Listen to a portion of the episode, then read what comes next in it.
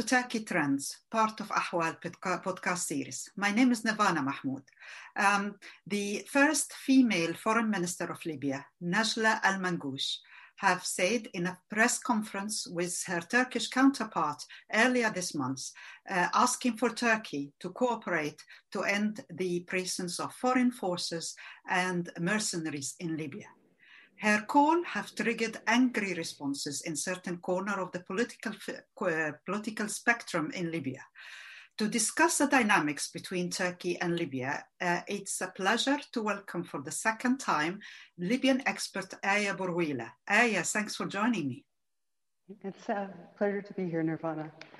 So, uh, forgive me for my first question. I, I am used to uh, Arab politicians being accused of treasons, uh, stuff like that. But to be blamed for calling for foreign forces to withdraw from the country is uh, new to me. Can you explain why certain groups, uh, figures, have attacked Najla um, uh, for her statement? Well, it's uh, the turn of events uh, has been really Kafkaesque, and uh, it's become typical of uh, what's been happening in Libya uh, for over six years now. Uh, there are certain groups who condemned the foreign minister Najla's call to remove foreign forces from Libyan sovereign territory from her country.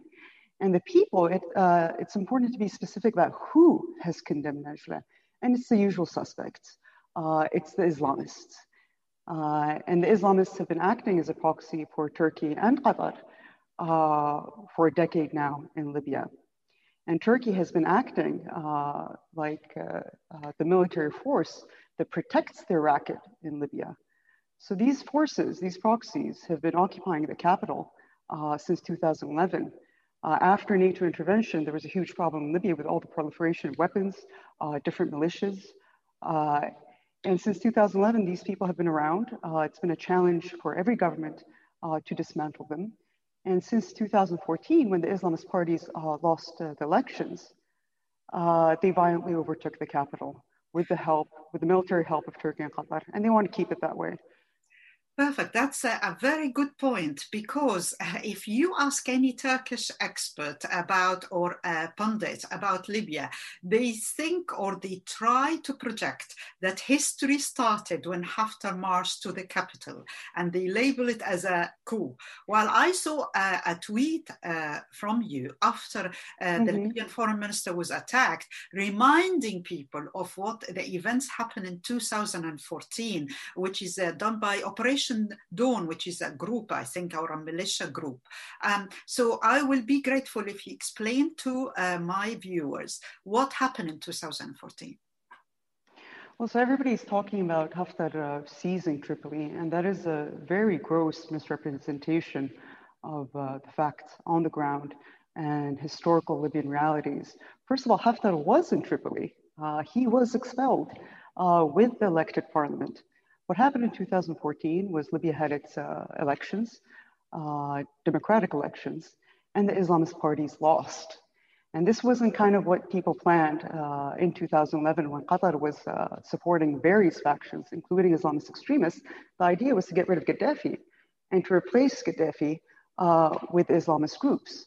And that worked for a while. I mean, for, uh, they were in power democratically in the beginning, but by 2014, the Libyan public was disenchanted with them and they were voted out resoundingly. and at that point, uh, they violently, the Islamist factions, a coalition called uh, Operation Dawn, uh, nominally from Misrata, uh, invaded the capital and forced the parliament out. At that point, this is where you hear about Operation Dignity. Operation Dignity was Haftar's force, uh, along with Libya's special forces, who fought to defend the parliament against Operation Dawn, the Islamist Operation Dawn, and they, uh, and they lost. Uh, they were overwhelmed. Uh, despite the fact that they had, uh, they also had Egyptian uh, assistance then and Emirati assistance, uh, but the Turkish and the Qatari powers overwhelmed them. you have to keep in mind that Qatar has been sending weapons to Libya since 2011, over 200,000 tons of weapons. So the advantage was always towards the Islamists.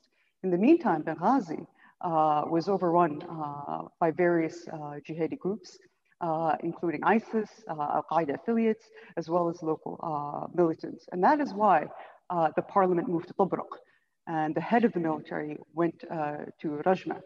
And 2015, March 2015, Haftar was appointed by the only internationally recognized and democratically elected parliament of Libya, the HOR, to head the Libyan National Army. Uh, so the attack on Tripoli that happened in April 19 was actually the last phase of the army's uh, mandate uh, and cause to free all of Libya uh, from militant groups and uh, terrorist organizations thanks for explaining that. I, I, it's a lot of people talk about foreign presence. They mention Russia, Egypt, mm-hmm. United Arab Emirates, but I'm glad that you mentioned the impact of Qatar. Although it doesn't have troops on the ground, but they armed several militias and they have a strong influence on them uh, in Libya, obviously as Turkey. Now, coming to the 2019 and what the Turks call it a coup, despite obviously there was an earlier coup if we're going to go with that narrative. But let's um, uh, to talk about how um, uh, Turkey now saying uh, it, there was a government, it was an internationally or UN recognized government, and they called the Turkey the, the Turkish uh, for help, and that's why our um, existence in Libya is legat. How you counter that narrative? Uh, that's a very good question, uh, Nirvana, because it addresses uh, the, the, fundamental reasons of this conflict, which is an issue of legitimacy. And as you know, without legitimacy, there is no peace.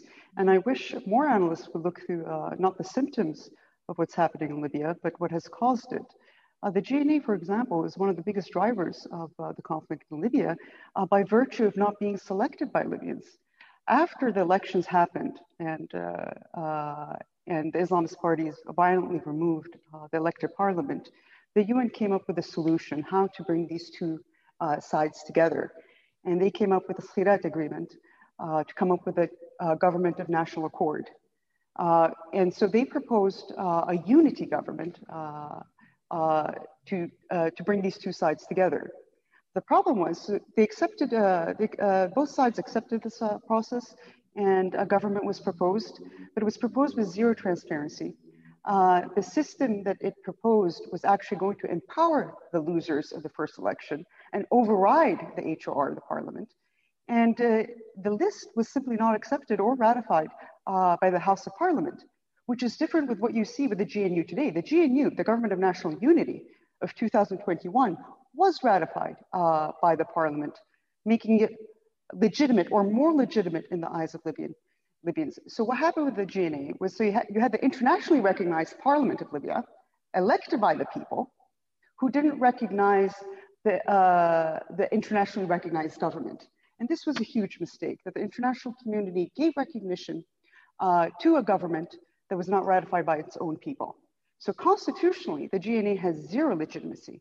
But if we even forget the issue of constitutional legitimacy of the GNA, which is essentially a foreign appointed government, which is out, unheard of uh, in modern history in the 21st century, uh, it was only supposed to exist for one year, a transitional government. That, that is what the GNA is, with a maximum ability to be renewed for another one year. Right. I the GNA has expired in 2017. Yeah. I just, just, to highlight the audience that is the one who called for Turkey, just for people to not to lose track. Yeah. Exactly. So what we have is a government that's expired, whose mandate was actually to dismantle the militias in Tripoli, uh, calling for a foreign power to send in an occupation and mercenaries to protect its illegitimate government. But even before that nirvana, the GNA uh, had, uh, in the beginning, uh, there wasn't such an antagonistic relationship uh, with the military. Had, there were multiple agreements in Paris, in uh, Egypt, in Abu Dhabi, agreeing to cooperate with the army to remove these militias per the request of all Libyans except the Islamists who were acting as proxies of Turkey uh, and Qatar. So this uh, this is what uh, so since then since 2014 uh, the capital has been a gangster's paradise. Uh, the militias captured all these institutions, including the banks. Uh, Libyans have been left without uh, basic services. many live under, under poverty levels. And there's a, as we say in, in Arabic, the complete uh, in Libya. So there is no, the GNA has no right to, to call for any foreign troops. In fact, that is a violation of the Sanctions Committee. and even if the GNA, let's just say they said, oh, let's have the Turks come in, we have Turkish forces in Libyan territory, which by the way, no, if you speak to any Libyan, uh, especially since our ancestors fought so many to remove the Ottoman Empire, to remove Italian col uh, uh, colonists, the very idea of having a foreign occupation is very much against uh, the Libyan psyche, uh, Libyan patriotism. But just say the GNA wanted to do that. Even if it wished to do that, it would still have to go through the parliament and to be ratified, uh, to be legal, constitutional, and legitimate. So this is something that's not being discussed absolutely. Right. Um, moving from that, at the backdrop of what happened, there was also Turkey exploratory talks with Egypt about rapprochement between the two countries. And mm-hmm. part of the the big one of the main issues of uh, difference between the two countries is Libya. Uh, Egypt mm-hmm. called for removal of all foreign forces and mercenaries out of Libya, while Turkey is saying um, uh, our uh, presence is legal they rushed to make that statement before the talks with Egypt, just to say that this is something for them they are not willing to compromise. But I noticed from Turkish pundits spoke, speaking on Arab TVs, uh, Clubhouse, etc., saying mm-hmm. that the mercenaries, the Syrian mercenaries, are not ours. So they are trying to somehow disown their um, relationship with the Syrian mercenary. I see you laughing. So please oh, explain how. I, am laughing because because there's always something new from uh, the Turkish Foreign Service and, and uh, yes, you know, their outlets. myself. I mean, I you know uh, they have no, uh, they're not tethered to the truth. I mean, most analysts have to kind of be loyal to the truth, but okay do you see do you see that turkey can make an agreement to say okay our formal troops or advisors or uh, whatever they want to name them will stay, but can we get rid of the Syrian mercenaries? Do you see Turkish presence in Libya can mm-hmm. survive without uh, the existence of the Syrian mercenaries who are helping uh, the Islamist troops or the Islamist militias in, in Tripoli in the west side of Libya? Of course not. They wow. sent mm-hmm. Uh, they sent over 50,000 Syrian troops, and right now there's over 11,000 remaining. Uh, just to illustrate to you, by the way, the West, the capital Tripoli, uh, has, a, uh, has the biggest population uh, of any city in Libya. To uh, illustrate the lack of popularity of the GNA, they couldn't even raise enough troops to join the militias, because even within Tripoli, the GNA is incredibly unpopular. If you remember the Ghargour massacre, 2013, where uh, Tripoli residents were so uh, tired of militia tyranny, they protested. Uh, and militias from Misrata gunned them down. Uh, it's known as the Ghargour massacre. And again, in August uh, 2020, the uh, residents of Tripoli protested and they were gunned down by the UN-backed government. So they cannot survive without Syrian mercenaries. But on the question of legitimacy, because the Turkish foreign minister uh, which is surreal. Imagine being a foreign minister telling a minister of a country that we refuse to leave. Yes. Uh, this is this is an ugly form of uh, imperialism, or I don't, you know, this neo-Ottoman uh, uh, racket, this neo-Ottoman ideology that uh, the President Erdogan seems to be under.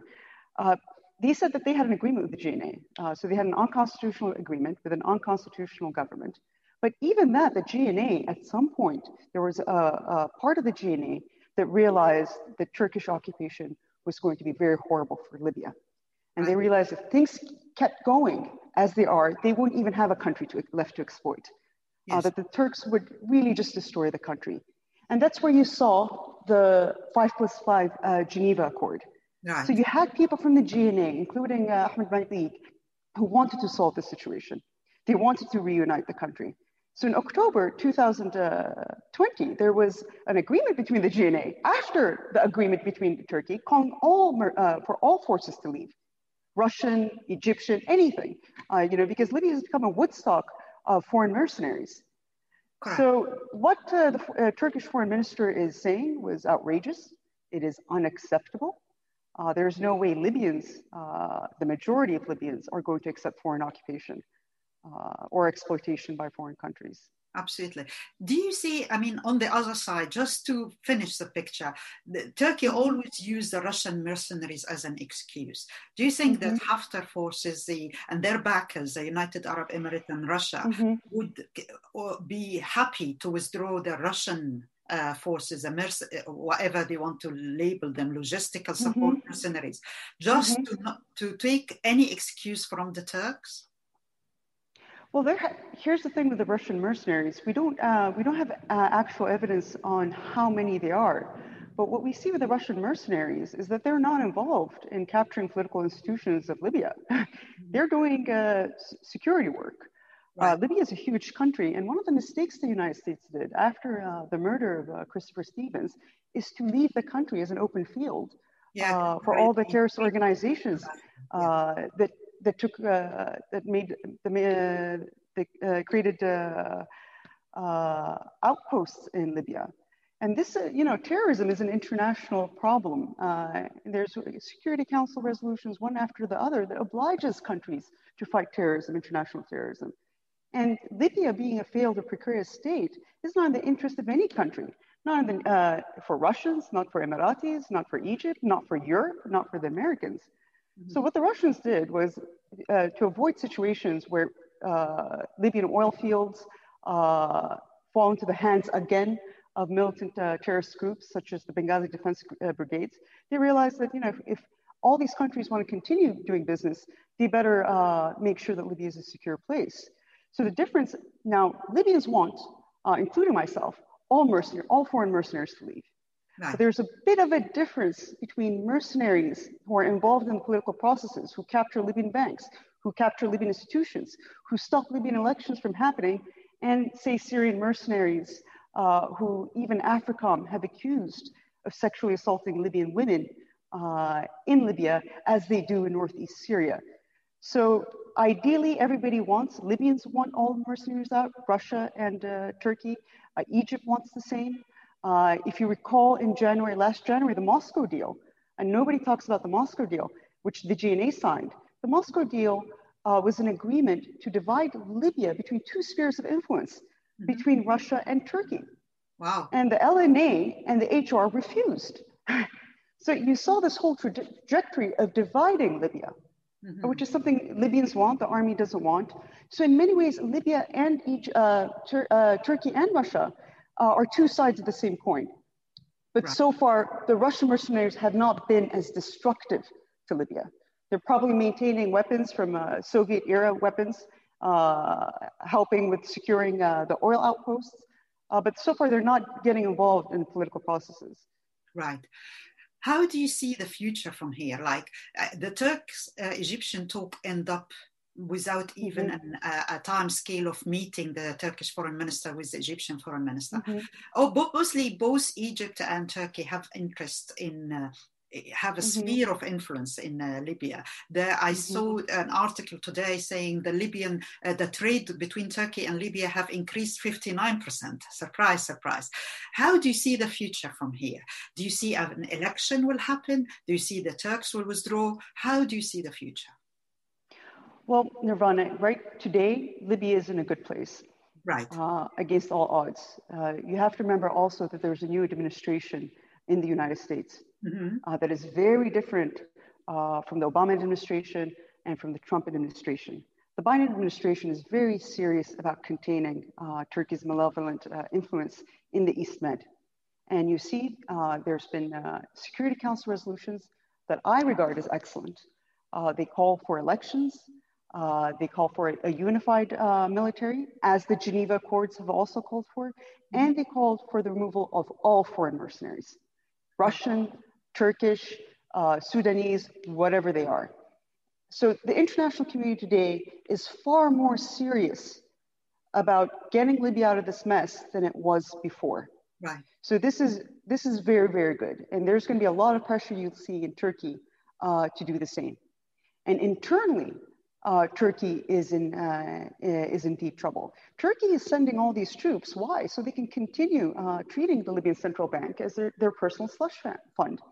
Even the ar- armored vehicles the GNA bought to protect its militia tyranny was from, was from Turkey, right. from a company that Qatar also has share, shares in, wow. to illustrate the racket that is going on. Now, it is okay for countries to have interests in Libya. This is what it means to be a state. Mm-hmm. Uh, Libya, it, under a uh, normal government, should have good relations with as many countries as possible. But is, there's a difference between a country that is predatorial, and there's a difference between a country such as Egypt that wishes to both have good relations with Libya and promote mutual interests, economic interests.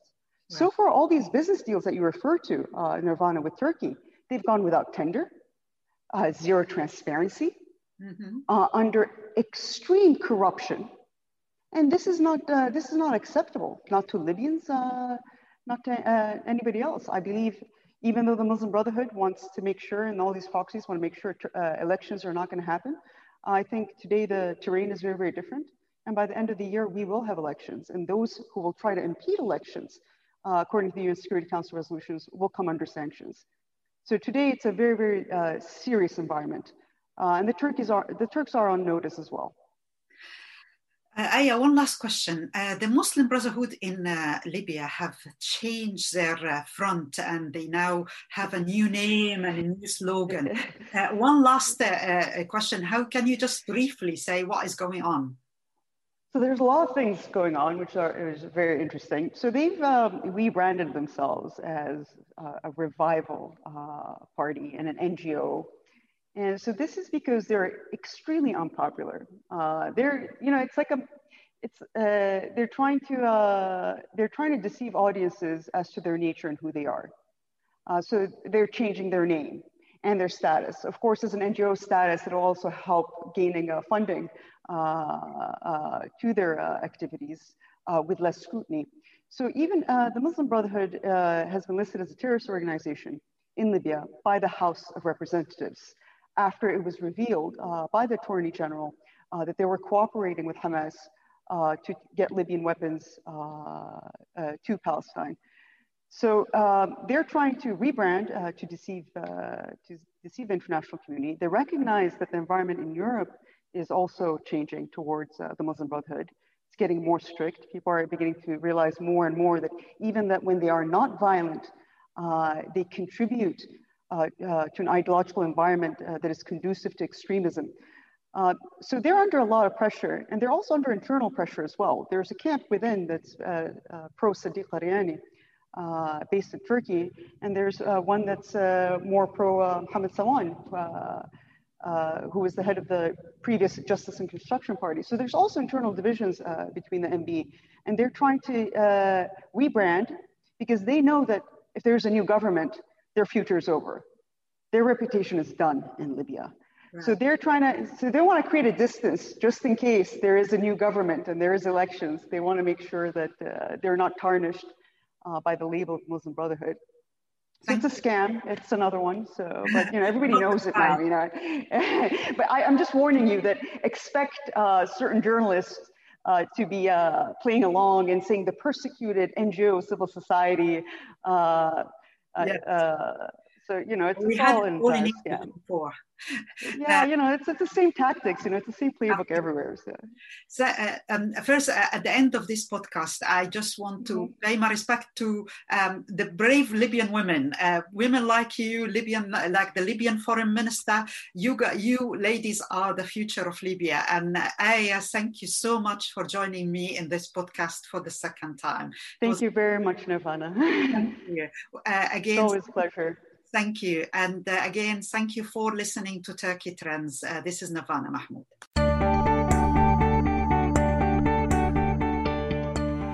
You can follow Ahval News Online podcast series through Apple Podcasts, Spotify, YouTube, Google Podcasts, SoundCloud, and Spreaker.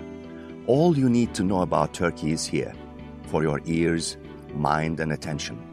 Thank you for listening to our podcast.